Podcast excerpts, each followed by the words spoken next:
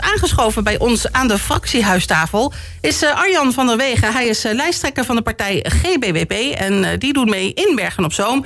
Zijn ook al een tijdje actief in Bergen op Zoom, kan ik wel stellen zo hè. Een paar jaar zo, zeg maar. En um, ja, we gaan, we gaan nu met hem praten. Dus ik zou zeggen, welkom Arjen. Leuk dat je er bent. Dankjewel, fijn dat ik bij jullie te gast mag zijn. En uh, ik heb nog nooit eerder op een lopende band gestaan, dus ik ga het meemaken. Ja, dit is het minuten. moment. Dit ja, is het dus, moment. Uh, ja, lijkt me leuk. Ja, ja, precies. Nou, ik heb al gezegd, we gaan ervoor zorgen dat je er niet afdondert. Dus uh, dat gaat helemaal goed ja, komen. maar goed. Maar je zei iets net over dat we er al een tijdje zijn. Misschien wel leuk om te vertellen is dat het eerste zaadje van GWP in 1946 geplant is. Zo. Opgericht door Martien van Elzakker destijds als lijst Martien van Elzakker. Zijn schoonzoon zit nog steeds in de gemeenteraad van GWP. Dat is Piet Roosendaal en die neemt dit jaar afscheid van de raad. Dus daarmee is een uh, mooi cirkeltje gemaakt, ook uh, vanuit, vanaf ons bestaan. Ja. En wij zijn dan ook uh, ja, als lokale partij best wel trots dat wij inmiddels 76 jaar bestaan. Dus dat is, dat is wel bijzonder. Ja, en Mooie het is, historie, inderdaad. Ja. En de, wat ik me altijd afvraag, Arjan, de, de, de naam GBWP, waar staat die nou voor? Ja, de letters zijn eigenlijk afkomstig sinds de herindeling. Omdat het een fusiepartij is. Een fusiepartij van gemeentebelangen Berg op Zoom, gemeentebelangen Halsteren, Stadspartij Berg op Zoom en werknemerspartij Halsteren Leepstraat. Oké. Okay. Dus daar komen uiteindelijk de letters GBWP vandaan. Dus dat staat ja. voor gemeentebelangen werknemerspartij. Oké, okay, en dan heb je het over de herindeling van eind jaren 90, hè? In ja, 1997 of zo, ja, uit mijn hoofd. Ja, uh, zoiets dergelijks. Toen uh, Halster ook uh, bij de gemeente Berg op Zoom. Ja, Halster en Leepstraat kwamen toen bij Berg op Zoom. Ja, ja precies. Oké, okay. helder. Ja, uh, Arjen, um, jullie zijn op dit moment uh, de grootste partij in de gemeente Bergen op Zoom. Uh, dat, dat, dat is ook al een aantal jaren zo, hè? Um, in 2010 hadden wij zes zetels, net zoveel als lijst Linsen. In 2014 hadden wij er acht en werden wij voor het eerst de grootste. En in 2018 hadden wij negen zetels en waren wij wederom de grootste. Dus dat klopt. Ja, dus er zit ook groei in. Um, dus wat zijn de verwachtingen voor um, over twee weken, 16 ja, maart? Groei is nooit oneindig. Inmiddels doen er in Berg op Zoom 13 partijen mee aan de gemeenteraadsverkiezingen. Dus uh, de koek over, 13, over 33 raadzetels moet met z'n 13 verdeeld worden. Uh, dus onze ambitie is om wederom de grootste partij van Berg Zoom te worden. En daar gaan wij met heel veel vrijwilligers voor. En uh, als dat eruit komt, dan ben ik als lijsttrekker uitermate tevreden. Ja. Hoe, uh, hoe, is, hoe, is je, hoe is dat lijsttrekkerschap voor jou tot stand gekomen? Ja, dat is op zichzelf ook wel een bijzonder verhaal. Is dat uh, toen ik in de politiek kwam, dat was in 2008, was ik duolid. En ik stond op plek 5 voor GBWP bij de verkiezingen in 2010. En Maarten van Ekelen was onze voorman. En Maarten die kondigde in 2011 binnen de partij aan dat hij zou stoppen toen hij 70 werd als wethouder. En daarmee ook als partijleider. En um, ja, toen werd de vraag gesteld aan de groep: wie gaat het stokje overnemen? En uiteraard op vijf ben je dan niet de eerste gegadigde. Maar ik was wel de eerste gegadigde die zijn hand opstak. Toen de eerste, de nummer 2, 3 en 4 zijn hand niet opstak. Dus zo is, eigenlijk, uh, is het eigenlijk gekomen en gegaan. En uh, ja, dan rol je daarin door. Ja. En uh, ja, dus het is niet de eerste keer dat je als lijsttrekker uh, optreedt. Nee, de derde keer. Uh, maar als je dan nu weer opnieuw lijsttrekker bent, hè, denk je dan, kijk je dan ook terug naar die afgelopen keren en haal je daar dingen uit waarvan je denkt van nou, dat gaan we anders doen deze keer. Of dat gaan we juist nog een keer doen, want dat was een succes. Hoe, ja. gaat dat in zijn werk? Ja, ik heb een geluk bij een ongeluk gehad. Uh, is dat ik, uh, en dat weten misschien de meeste luisteraars wel, is dat ik ben uh, ziek geworden eind 2018. Mm -hmm. En heb ook echt een tijd afstand moeten nemen tot de bergspolitiek. En dat heeft toch als, voorbeeld, als voordeel dat je ook even uit de tunnel komt en opnieuw naar die tunnel gaat kijken en kijkt van goh, wat gebeurt er nou? Wat is er aan de hand? Wat was mijn eigen handelen? Was het handelen geweest van de partij en van de club? Hoe gaat dat? En uh, uh, ja, hoe zou je dat kunnen verbeteren? Nou, dat laatste doe je eigenlijk pas als je weer kandidaat stelt. Uh, dus toen ik weer fractievoorzitter werd een aantal maanden geleden en lijsttrekker.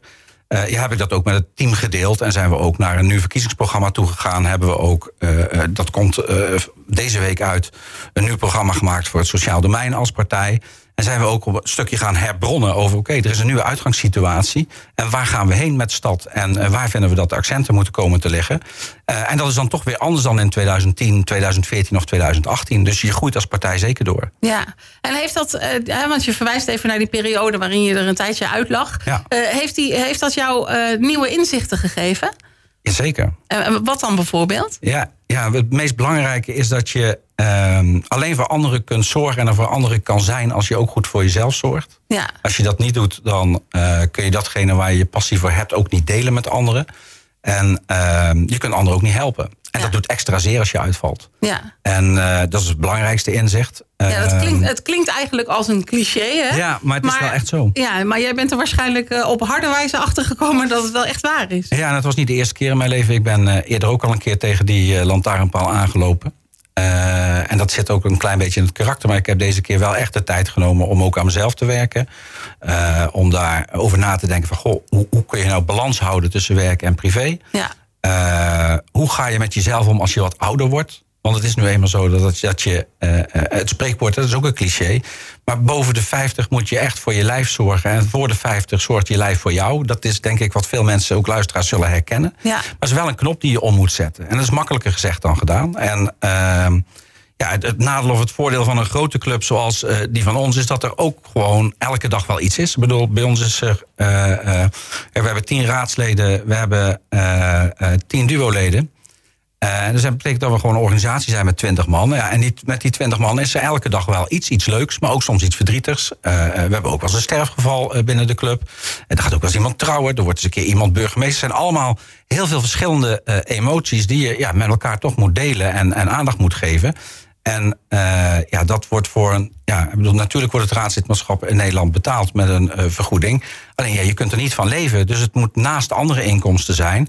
Dus dat is als je die grote hebt best wel lastig. En eh, ja, dat moet je dus ook met elkaar goed bespreken over hoe je dat doet. Je moet de taken goed verdelen. En ja, je moet ook zorgen dat er een stukje volwassenheid in je team ontstaat. Ja, dat is gewoon prachtig om aan te werken. Ja. ja, je zegt het zelf al, het kost, tenminste, raadslidmaatschap doe je naast je, naast je werk. Omdat het geen fulltime baan is natuurlijk. Je krijgt er wel een vergoeding voor. Maar het kost wel heel veel tijd, hè? Naast je werk. Ja, het is toch wel een roeping. Daar ben ik ook wel achter. Hè. Je zegt van, goh, wat heb je nou geleerd van die periode van rust? Ja, dat het toch een roeping is. En ja, het woord roeping zegt het al. Is dat eh, je wordt geroepen en dan ga je er toch weer voor als je, eh, als je weer fit bent. Ja. Dus eh, ja, Ja, maar het kost veel ook, tijd. eh, ja. Je moet het ook graag willen doen. Want, Ja, en ik heb wel gemerkt dat dat de afgelopen eh, tien jaar wel steeds lastiger wordt om dat op te brengen. En dat heeft niet zozeer met jezelf te maken, maar de, de, de samenleving is wel enorm veel harder geworden dan eh, tien jaar terug. En de opkomst van social media maakt het zo enorm, enorm makkelijk voor iedereen om overal een mening over te hebben, Ja. overal een oordeel over te hebben. En dat mag, maar je kunt er geen gesprek over voeren. Je krijgt gewoon binnen dat iemand iets van jou vindt, zonder dat je die persoon kent. Eh, ehm, en zonder dat je het gesprek met die persoon aan kan gaan. En dan zegt ze van ja, maar je kunt toch terugreageren. Maar dat is geen gesprek. Een gesprek is zoals wij dat hier voeren. Ja. We zitten met z'n drieën aan een tafel, we kunnen elkaar aankijken. Eh, eh, we kunnen knikken als je elkaar begrijpt. Ja, dat, is, dat, is, dat, dat voelen ook luisteraars. En op social media is het, je tikt het in en een Ja. ander leest het en die interpreteert het. En daar zit dus geen, ja, daar zit geen andere emotie achter, alleen een interpretatie. Ja. En, en ja, dat, dat is wel in de huidige tijd voor politici eh, eh, erg lastig. ja. Heb je de afgelopen jaren daar veel last van gehad? Jazeker. Ik heb eh, eh, eh, in mijn wethouderschap ben ik regelmatig eh, eh, bedreigd geweest. Ik heb ook meegewerkt aan een eh, landelijke eh, documentaire over bedreigingen van eh, bestuurders.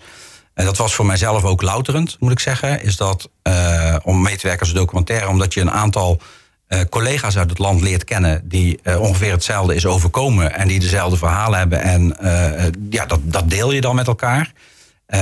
En wat ik ontzettend leuk vond om te doen, is dat na die documentaire zijn er een aantal gemeenteraden in Nederland geweest die gevraagd hebben of, je, of de documentaire, na het tonen van de documentaire, of ze in gesprek konden met je. En, ehm, en dat is, want het is voor een deel, en dat wil je niet zeggen, maar het is wel helaas zo. Het, eh, het is onderdeel van de job.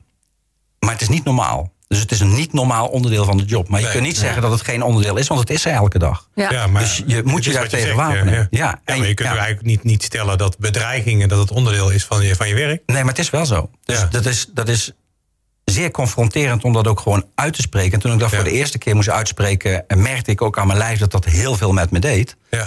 Eh, Want het, is niet, het want het is niet normaal. Nee, want dat hoort er eigenlijk niet bij. Het hoort Ja. er niet bij, maar het is Nee. er. Ja. En, eh, en dat gaat voorlopig ook niet weg. Dus wij moeten met elkaar dat gesprek aangaan. Hoe gaan we daar met elkaar mee om? Ja. Maar daar zeg je bijna van dat je bedreigingen zou moeten accepteren. Nee, nee, dat zeg ik dus niet. Nee. Je moet het niet accepteren. We moeten het ook niet normaal gaan vinden. Maar we precies. moeten wel erkennen dat het er is. Ja. En dat het daarmee onderdeel is van ons werk. En dus niet tegen elkaar zeggen van... ach, dan moet je maar tegen kunnen. Of ach, wat maakt het uit? Iedereen heeft ook nog een partner. Iedereen heeft ook nog een sociale omgeving. Een gezin, een familie, kinderen. En die hebben er ook allemaal mee te maken. Precies. Hè? Ja. En, en die zijn soms ook onderdeel van bedreigingen. Ja, dat is gewoon niet te tolereren. Nee. Maar dat is heel makkelijk gezegd, niet te Ja. tolereren. Ja. Want ja, we Want hebben- ondertussen is het er wel gewoon.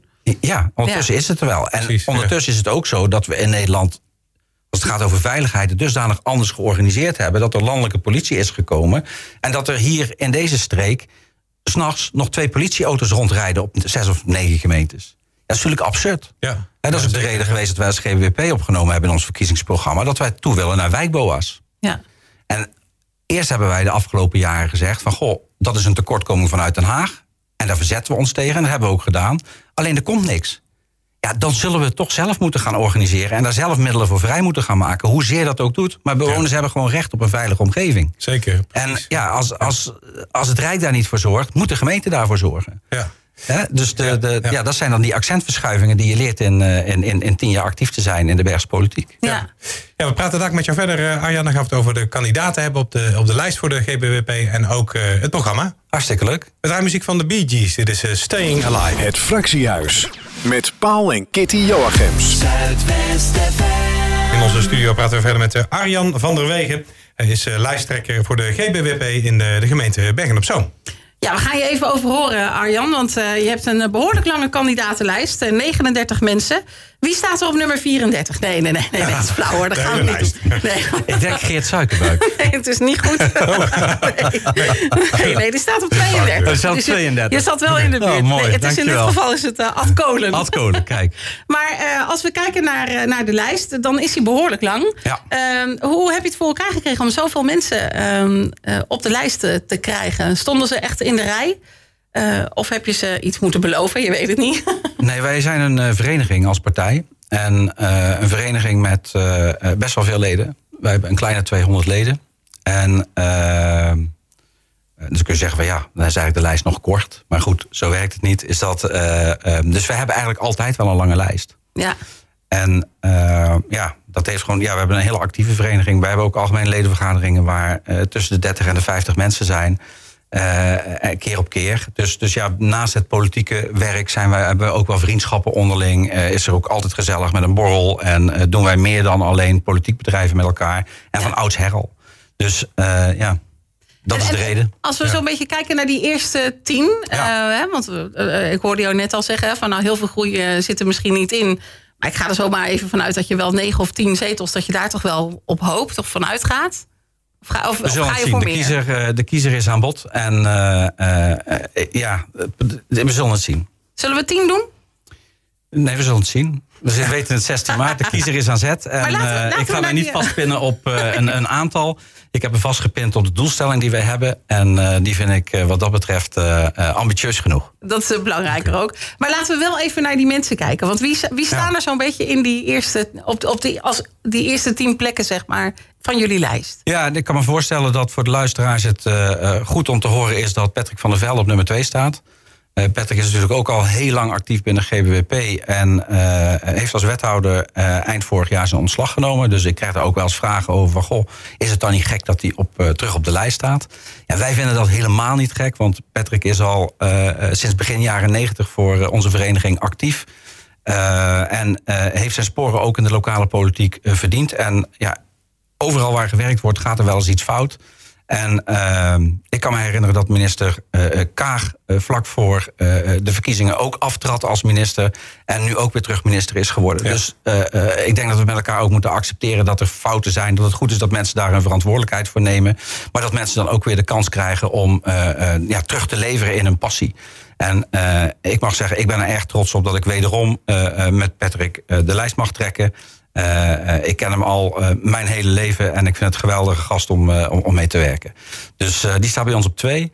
Eh, op nummer drie, de, de, en nu komen misschien een wat onbekende voor de luisteraars, Rick Simons. Rick, is, Rick is een geboren en getogen Bergenaar, komt voort uit de club die wij noemen Jong GBWP. Jong GBWP bestaat uit zo'n negental jonge jonkies. Dus de jongste is, even nadenken, de jongste is 16 en eh, eh, de oudste daarvan is 31. Dus tussen die leeftijd en die, eh, een aantal daarvan draaien ook al vier of acht jaar mee zelfs op de achtergrond. En eh, eh, ja, hij is de eerste die daar nu van doorstroomt eh, naar de top van de lijst. En dat is, eh, ja, is ook goed om te zien. Ja. En ook leuk voor het Bergs publiek dat er weer een nieuwe Bergenaar eh, eh, ja, zeg maar, hoog op de lijst bij GWP staat. Op nummer vier staat onze eerste vrouw, Betsy de Kok. Geboren en getogen in Lepelstraat, maar zeker ook in het Bergse bekend. en ik denk bij jullie ook wel, want zij komt uit de communicatiewereld. Ja. En ehm, is ook al een hele tijd bij ons actief. Betsy zit bij ons veel op het sociaal domein, heeft hard geschreven aan, aan ons programma, wat ik er straks noemde dat wij volgende week komen met, een, uh, met 14 pagina's over hoe wij tegen het sociaal domein aankijken. En hoe wij denken dat we daar voor inwoners het verschil in kunnen maken. Uh, dus zij zal daar ook mee naar buiten komen. en onze eerste vrouw. Dat is altijd belangrijk op een lijst. Op nummer ehm, vijf zijn we dan, denk ik. Hè? Ja, klopt. Vijf, ja. Op vijf staat Paul Schut. Ja. Paul draait ook al een aantal jaren met ons mee. Paul is geboren en getogen Halstenaar. Die heel actief is bestuurlijk in het verenigingsleven op het dorp. En daarmee ook wel een bekende halstrenaar uh, genoemd mag worden. Uh, dus hij is voorzitter van de Fanfare en de Harmonie. Hij is voorzitter van ehm, Kindervakantiespel. hij is voorzitter van de, de Oranje Vereniging. Dus Paul heeft zijn sporen in het hals zeker verdiend. En heeft daar ook een grote aanhang. En ehm, is ook gegroeid de afgelopen jaren als raadslid. Uh, is ook nu eh, vicefractievoorzitter. En het is ook leuk om te zien dat hij dat, ja, dat die groei meemaakt. En dat hij elke vier jaar weer een paar stappen verder is. Dus dat is, dat is leuk om te zien. Ja, ja om, om jou toch even te onderbreken. Um, want anders is straks je tijd op en heb je alleen maar kandidaten genoemd. Want ik, kan, ik ben ook wel heel nieuwsgierig naar wat er nou in dat uh, partijprogramma staat. Uh, je hebt al, al weggegeven dat veiligheid heel belangrijk is. Maar er staan vast nog wel andere dingen in die je ehm, toch nog even voor het voetlicht wil brengen. Jazeker. Is dat, uh, ik denk dat de inwoners ons ook kennen als een uh, partij die zich uh, inzet en voortkomt uit het verenigingsleven, zowel op sportgebied als op cultuurgebied. Ehm, wij vinden dat in deze periode vanuit het focusakkoord, waarbij er bijgesteld moet worden, voldoende bezuinigingsopgaves liggen voor zowel cultuur als voor sport. Dus wij gaan niet verder bezuinigen op sport en cultuur. Dat is voor ons een hartpunt bij de verkiezingen, maar ook na de verkiezingen. Dus het verenigingsleven, het amateurveld, daar gaan wij niet verder op korten. Um, dus dat is een belangrijk signaal wat wij willen afgeven. Niet alleen de inwoners, maar ook onze collega-partijen. Um, ander deel wat eh, bij ons in het verkiezingsprogramma staat... en wat wel van belang is om te eh, benoemen... is dat wij meer willen investeren in uh, de onderhoud van de openbare ruimte. Als je een beleefstad wil zijn, dan geloven wij erin... dat je dan een opgeruimde stad moet hebben. En als er een opgeruimde stad is, dat mensen zich ook beter en gelukkiger voelen. En dat klinkt misschien allemaal een beetje wazig, maar ik weet zeker dat iedereen herkent dat als je kinderen hebt en een kamer is een puinhoop, dat ze eerder in paniek raken of eerder uh, chaotisch terug overkomen naar de ouders, dan dat als een kamer wel opgeruimd is. Dat je als ouders ook zegt van nou weet je wat we doen? We gaan eerst eens even je kamer opruimen, want een schone kamer en een opgeruimde kamer is een schoon en een opgeruimd hoofd. Nou, zo werkt het denk ik ook in de stad. Dus wij willen daar meer eh, geld in investeren. Wij hebben daar de totale begroting van 287 miljoen euro... 1 miljoen extra naartoe geschoven. Um, andere wat wij willen, um, is wat ik straks gezegd heb... is 1 miljoen meer naar veiligheid. Uh, omdat wij ook denken dat een veiligere samenleving... ook een gelukkige samenleving is. En wij bedoelen met uh, meer veiligheid... niet per definitie uh, meer bekeuringen meer uh, uh, camera's, maar meer menselijke krachten op straat die herkenbaar zijn voor inwoners, dat ze daar terecht kunnen als er iets opdoet in hun wijk. En niet alleen voor de inwoners, maar ook voor de vrijwilligers bijvoorbeeld van de buurtpreventie. We hebben in Werpzoom een gigantisch groot netwerk aan buurtpreventievrijwilligers. Alleen die moeten alles melden bij of uh, de wijkagent. Nou, als je dan uh, kijkt dat een wijkagent soms maar anderhalve dag per week voor een wijk beschikbaar is. En dat hij ook zijn administratieve werkzaamheden daar nog moet doen. Dat is dus heel weinig tijd. Of bij een gemeentelijke ambtenaar. Nee, wij willen dat er een herkenbare uh, persoon, we hebben dat ook de wijkboa genoemd. Noem het de veldwachter van vroeger. Ik heb het bij het verkiezingsprogramma, toen wij het met een team schreven, gezegd: we gaan modern vooruit naar vroeger. Toen hadden we overal ja, een, een, een, wijkagent of een veldwachter die we allemaal kenden. Die we bij naam kenden, die we ook konden aanspreken als er iets was. Die het ook normaal vond dat hij mensen aansprak in de samenleving. Nou, daar willen wij heel graag terug naartoe. Zodat er meer gemeenschapszin gaat ontstaan door meer te investeren in veiligheid. Dus een niet moderne vanuit, nog. Ja, dus niet vanuit repressie, maar juist vanuit preventie. Ja. Nou, dat, is, uh, uh, ja, dat zijn wel de hoofdpunten die wij hebben uh, op de harde um, programma's, zoals we dat in de politiek noemen. Als het gaat over het sociaal domein, is het meest belangrijke wat wij willen, is dat er niet meer vanuit regels gewerkt wordt, maar vanuit behoeften vanuit het individu. Wij hebben dus een maatwerkprogramma geschreven. Eh, en dat we ook vanuit vertrouwen werken. Dus dat we, eh, ik noem maar even wat, als iemand een rolstoel nodig heeft, dat we dan niet zes gesprekken gaan voeren of iemand wel echt een rolstoel nodig heeft. Nee, dat zo iemand vandaag een rolstoel ter beschikking krijgt. En dat we daarna gaan kijken of iemand het nodig heeft. En als Ja. het dan niet nodig heeft, oké, dan moet hij terug. Maar als hij wel nodig heeft, dan heeft iemand gelijk gewoon eh, eh, de, de zorg te pakken die hij verdient en die hij nodig heeft. Om te voorkomen dat het veel te lang duurt. En Juist, exact. Hè? Want in- inmiddels hebben we 20 weken wachtlijst, dat is veel te lang. Ja. Dat Ja. moet echt anders en dat moet echt sneller. Ja. Gezien de tijd, eh Arjan, nog één korte vraag. Hè. Het is misschien moeilijk om dat korte antwoord op te geven. Maar eh, ja, de financiële positie van de, van de gemeente Bergen op Zoom... Hè, die is natuurlijk, eh, staat er wat minder rooskleurig voor. Ehm, ja, hoe, hoe kan dat worden opgelost? Hoe, hoe, hoe ziet jouw partij dat? Ja, we hebben in ons partijprogramma opgeschreven hoe wij aankijken naar de oorzaken van het- de schuldpositie die wij hebben. Ehm, wij waarderen hem ook. En het is inderdaad zo dat de schuldpositie in Bergzoom niet rooskleurig is. Maar goed, als je iets niet rooskleurig is, dat is thuis ook. Hè? Ik bedoel, we hebben misschien allemaal wel te maken gehad met een huis wat onder water heeft gestaan een aantal jaren geleden. Ja, dan zul je spaarzaam moeten worden om je hoofd boven water terug te krijgen. Nou, dat geldt voor Zoom ook. Maar in Berg op Zoom wordt 287 miljoen euro per jaar uitgegeven. Nogmaals, 287 miljoen euro per jaar Ja, ja, uitgegeven. ja, dat is nogal wat. Dus Ja. we kunnen heel veel goede dingen doen.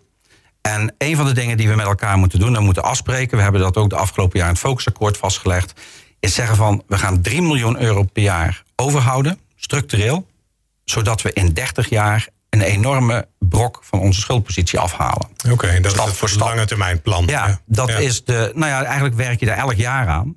Eh, ehm, om de, en, en het meest belangrijke voor de politiek is dan zorgen dat je ook echt die 3 miljoen overhoudt.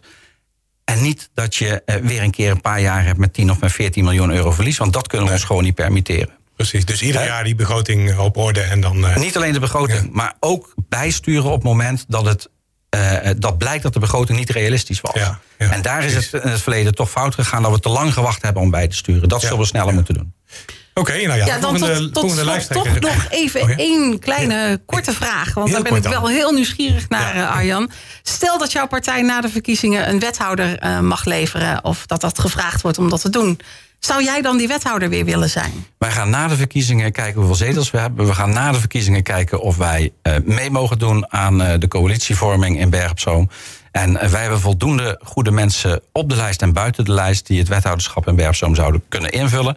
Dus eh, we zien dat eh, na 16 maart. En ben jij daar één van? Van die goede mensen die dat zouden wij, wij kunnen zien dat invullen? na 16 jaar. En als, eh, ehm, eh, eh, dat is niet aan mij om dat te bepalen. Dus eerst Nee, maar het is ook een persoonlijke vraag aan jou. Omdat, juist omdat je natuurlijk ook ehm, eh, weg bent gegaan eh, op dat moment. Omdat, Ja. je, eh, omdat het Ja. niet goed met jou ging. Ja. Dus ik vraag me af, is, is dat, betekent dat voor jou dat je hebt gezegd... van nou, ik wil echt nooit meer wethouder worden? Nee, ik heb ook in mijn afscheidsinterview in- aangegeven... Goh, ik ben nog niet klaar in Berg op. Dat heb ik niet uit, voor mezelf zo gezegd... maar vanuit de passie die ik heb voor het openbaar bestuur in de stad. En ik ben inmiddels fit genoeg om eh, daar mijn toegevoegde waarde te leveren... waar die gevraagd en nodig is. En nogmaals, dat zien we echt na de, eh, na de uitslagen. Ja. Ja. Maar het zou kunnen ja. dus. Het zou kunnen, ja, wie, wie weet. Ik sluit niets uit. Nee, precies. Heel mooi. Dankjewel Arjan voor jouw komst naar de studio. En over drie weken ja, dan, eh, zijn de verkiezingen. Eh, dus we wensen jou veel succes de komende drie weken nog in eh, de campagne. En eh, ja, na 16 maart weten we ongetwijfeld meer. Ja, en we gaan jou natuurlijk zien in het eh, lijsttrekkersdebat eh, op, eh, Ja. uit mijn hoofd, maandag 14, 14 maart. maart, ja. Zondag Ja. is Woensdrecht, maandag Berg op Zoom, dinsdag Roosendaal. Dus jij bent er op maandagavond eh, samen met alle collega-lijsttrekkers... om de degens te kruisen in, eh, in onze politieke arena. Om negen uur s'avonds. Klopt, Ja, helemaal. Helemaal goed. Precies. En in Staat goed in de agenda. Ja. Dankjewel dat ik jullie gast mocht zijn. Ja. en beste luisteraars, ga stemmen. Kijk, heel goed. Dankjewel. Dankjewel. Iedere woensdag van 7 tot 9. Het Fractiehuis. Op Zuidwest FM.